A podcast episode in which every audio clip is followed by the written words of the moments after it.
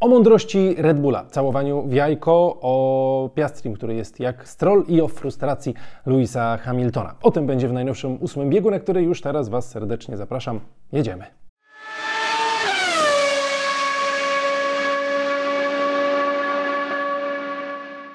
I jesteśmy po Grand Prix Japonii. Dajcie znać w komentarzach, jak ten wyścig Wam się podobał. Czy podobały Wam się te strategiczne szachy, czy oglądaliście ten wyścig z przyjemnością, czy jednak taki wyścig bardziej dla koneserów e, e, właśnie i tych emocji było e, za mało. Parę sytuacji naprawdę bardzo ciekawych w tym wyścigu było i wartych też omówienia, więc do tego sobie będziemy przechodzić, ale zaczynamy oczywiście od klasyfikacji generalnych. Wśród kierowców Max Verstappen trzy punkty jeszcze zdobędzie i będzie mistrzem świata, więc zapewne zostanie mistrzem świata w sobotę podczas Grand Prix Kataru, bo wtedy będzie sprint i wtedy zapewne te trzy punkty zdobędzie. 177 punktów przewagi nad Sergio Perezem w tym momencie ma Max Verstappen. To rekord, jeśli chodzi o przewagę nad drugim zawodnikiem, no a to przecież nie koniec sezonu, jeszcze trochę tę przewagę Max Verstappen powiększy, a nawet myślę, że bardzo mocno ją jeszcze powiększy. W klasyfikacji zespołów Red Bull mistrzem, no i to oczywiście im się należało i to było tylko odliczanie tak naprawdę od początku sezonu, bo to już wtedy wiedzieliśmy. 49 punktów. McLaren traci już tylko do Astona. Warto zwrócić uwagę na ten yy, pojedynek tych zespołów, bo tam naprawdę będzie się działo w końcówce sezonu i McLaren, choć ta strata wygląda dosyć potężnie, powiedzmy, chociaż po tym weekendzie już taka potężna nie jest i wydaje się, że naprawdę to jest do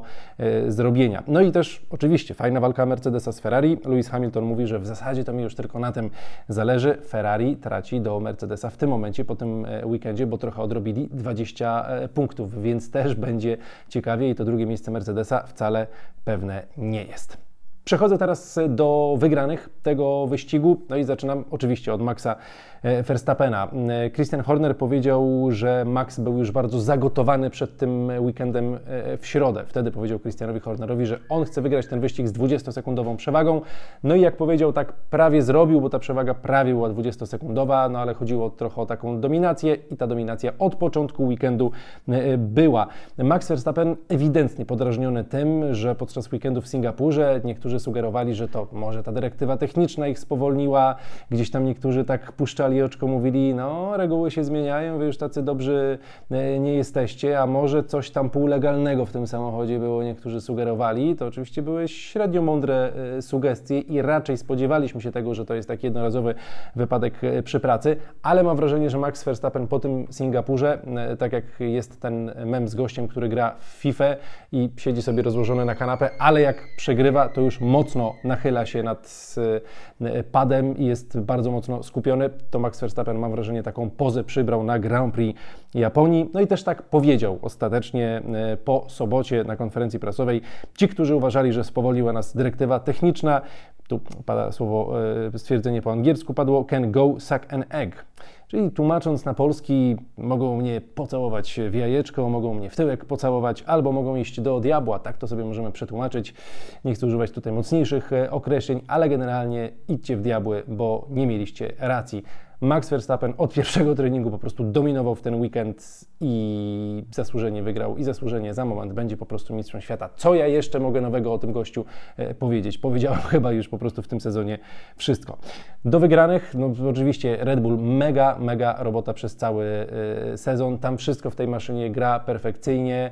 E, no i też nawet zagrało w takiej dziwnej sytuacji jak z Sergio Perezem, no bo przepisy sportowe, artykuł 54 3. Jeśli jakakolwiek kara jest nałożona na kierowcę i ten kierowca nie jest w stanie e, jej wykonać z powodu wycofania się ze sprintu albo z wyścigu, sędziowie mogą nałożyć karę przesunięcia na e, starcie w kolejnym wyścigu. Mogą, nie muszą, więc to też jest jakaś, jakaś furtka. E, no i Red Bull to wiedział. Jonathan Whitty tam jest dyrektorem e, sportowym, bardzo mądry człowiek i wielokrotnie to już e, pokazywał, bardzo doświadczony. No i wykorzystał tę sytuację z Sergio Perezem, który był w garażu. Nie wycofali go, tylko naprawili, wrócił, odsłużył czyste ręce, więc tutaj też taka no naprawdę wielka mądrość po prostu Red Bulla wyszła i no, oni są w tym sezonie mądrzy praktycznie na każdym polu, poza wypowiedziami Helmuta Marko. McLaren, no oczywiście, wygrani. Co to jest za sezon? Co to jest za sezon? Jak oni odrobili te straty? Wiem, że się trochę powtarzam, ale no, to cały czas robi na mnie gigantyczne wrażenie. Podwójne podium. E, to jest jedna sprawa. Druga sprawa, co wyrabia Oscar Piastri. Gość jest e, debiutantem, gość e, stanął na podium w debiutanckim sezonie. Ostatni raz w Formule 1 zrobił to Lance Stroll, więc jest to piękne, historyczne nawiązanie, no ale kariera Oskara Piastrego myślę nie potoczy się w takim kierunku jak kariera Lansa Strolla. Ja mu wróżę dużo lepszą przyszłość w Formule 1 niż y, Lansowi Strollowi. Gość w sobotę, jadąc pierwszy raz na tym torze, objechał jednego z najbardziej utalentowanych kierowców w stawce, czyli objechał Lando Norrisa. To jest wielka rzecz. W wyścigu tempa już Piastri nie miał tak dobrego jak Norris. Sam to przyznawał, że to nie był najlepszy dzień, ale chcę zwrócić uwagę, że Piastri, nie mając najlepszego dnia, wjeżdża McLarenem na podium. E, I to jest też potwierdzenie tego, jak jest fenomenalnym kierowcą. Duże, duże brawa po raz kolejny dla e, Australijczyka. No i Lando Norris oczywiście też gigantyczne brawa mm, stanął na podium za Maxem Verstappenem. Twierdził, że nie są tak bardzo daleko od Red Bulla, jak wskazuje na to ta strata. Stwierdził, że mm, stracił też 10 sekund na tym, że Sergio Perez go tam trochę przyblokował przy wirtualnym samochodzie bezpieczeństwa, więc e, jest optymizm w McLarenie i oni gdzieś tam między wierszami dają do zrozumienia, że no, oni chcieliby w końcu na jakimś etapie powalczyć z, z Red Bullem i kwalifikacje w kolejnych wyścigach naprawdę mogą być ciekawe pod tym kątem, bo tutaj no, ten tor jakby uwypuklał wręcz tak totalnie e, mocne strony Red Bulla, a e, McLaren i tak był całkiem powiedzmy relatywnie blisko w e, kwalifikacjach. Super sprawa. E, no i do wygranych, słuchajcie, zaliczam jeszcze Liama Lawsona. Po raz kolejny. No bo co ja mam zrobić? No gość był przed Yukim Tsunodą i tak naprawdę to był pierwszy weekend, w którym my tak mogliśmy w końcu ich bardziej porównać, bo no, weekend na Zandvoort nie możemy porównywać gościa, z, który wchodzi z marszu po prostu E, wybudzony gdzieś tam e, ze snu i, i wchodzi na, na tam ten weekend. Monza, Singapur, Tsunoda raz odpada w zasadzie przed startem, drugi raz odpada na pierwszym okrążeniu. No i dopiero teraz mieliśmy taką próbkę i Liam Lawson tutaj broni nie złożył. Powalczyli na początku wyścigu bardzo ładnie, później utrzymywał się przed Tsunodą, więc duże brawa. No i słuchajcie, no mamy już potwierdzenie, tak, że Yuki i Daniel będą w przyszłym sezonie w LaFa Tauri. To jest taki delikatny policzek w stronę Liama Lawsona, no bo co on jeszcze może zrobić? No, wszedł do Formuły 1, pokazał się z kapitalnej e, strony, ale w e, rodzinie Red Bulla mówią spokojnie, już było tak kiedyś, że wypożyczyliśmy kierowcę do innego zespołu, to z Carlosem Sainzem choćby tak było, e, więc zobaczymy, no jest to miejsce może potencjalnie w, w, Williamsie, więc może tam by próbowali wcisnąć Liama Lawsona. Moim zdaniem to jest najlepsze wyjście i dla Lawsona, i dla Red Bulla, i dla Williamsa. No, Williams to zaraz do tego przejdziemy, nie może zatrzymać Logana Sargenta na przyszły sezon. Po prostu nie może. No i widać, że Lawson jest trochę tą sytuacją, jakby mówi wprost, że mm, po prostu chce być w, w, mieć fotel wyścigowy, a teraz go nie mam i po prostu robię jak najlepszą robotę każdego e, razu, staram się robić najlepszą robotę każdego razu, kiedy wsiadam do samochodu i będę to robił tak długo, jak będę jeszcze jeździł w tej e, e, stawce. Trzymam kciuki za Liama Lawsona, bo naprawdę pokazał po prostu, że zasłużył na fotel. A teraz przechodzimy do czyśćca i tutaj zaczynam od Mercedesa, bo słuchajcie, parę mm, rzeczy ciekawych tutaj powiedziano i się wydarzyło. Mm, przede wszystkim tak, jak sobie spojrzymy w wyniki ostatnich sześć wyścigów, Mercedes był raz tylko na, na podium. Gdzieś to zaczęło uciekać w złą stronę. Inni się, mam wrażenie, rozwijają, Mercedes cały czas stoi y, w miejscu. Mm, ten wyścig nie do końca dobre decyzje podejmowane, trochę chaosu w zarządzaniu tym wyścigiem. Nie było to to Wolfa na miejscu, ale był to to Wolf na słuchawce. E, dwa źródła, The Race i Automotor Sport potwierdzają, że zgodnie z ich wiedzą Toto Wolf był na telefonie i wydawał instrukcje, co tam ma w tym wyścigu się, się dziać, ale zawsze jest to komunikacyjnie jakiś, jakiś problem. E, no i Lewis Hamilton powiedział, że mm, ta próba podciągania George'a za sobą w DRS-ie, że to kompletnie nie był dobry pomysł, kiedy oni mi to zasugerowali. Wiedziałem, że o, oczywiście oni musieli o tym myśleć po ostatnim wyścigu, po tym w Singapurze, ale to nie miało żadnego sensu. Po raz kolejny Lewis Hamilton krytykuje Mercedesa w tym sezonie, nie jest to pierwszy raz. E, po kwalifikacjach, nie, nawet przed, przed kwalifikacjami, Lewis Hamilton mówi, że on musi totalnie poprawić też swoją formę w kwalifikacjach. Mówi, że jest absolutnie fatalna. Tu szacun za, za przyznanie się, że, że tam coś nie, nie działa, bo rzeczywiście ostatnie kwalifikacje to głównie zwycięstwa George'a Russella w tym wewnątrzzespołowym pojedynku. Komentarze o stracie do, do Red Bulla były też ostatnio w ten weekend takie, że mm, Lewis Hamilton powiedział, że oni są tak daleko, że my naprawdę musimy mieć najlepsze 6 miesięcy, jeśli chodzi o rozwój w historii po prostu Mercedesa, bo inaczej ich nie dogonimy, bo oni są po prostu daleko. Na Suzuce było widać, że są, e, są daleko, więc e, no po raz kolejny Hamilton tak daje znać temu Mercedesowi, kurde, ogarnijmy się, bo naprawdę zaczyna to wyglądać źle, przegania nas Ferrari, przegania nas, Merce e, przegania nas Aston na początku sezonu, teraz nas przegania Mercedes, a my tylko stoimy i się rozglądamy dookoła. No i też słuchajcie na temat George'a Russella, tam no może nie pierwszy raz, ale pierwszy raz tak mam wrażenie po wyścigu na gorąco Lewis Hamilton tak się wypowiadał na temat George'a.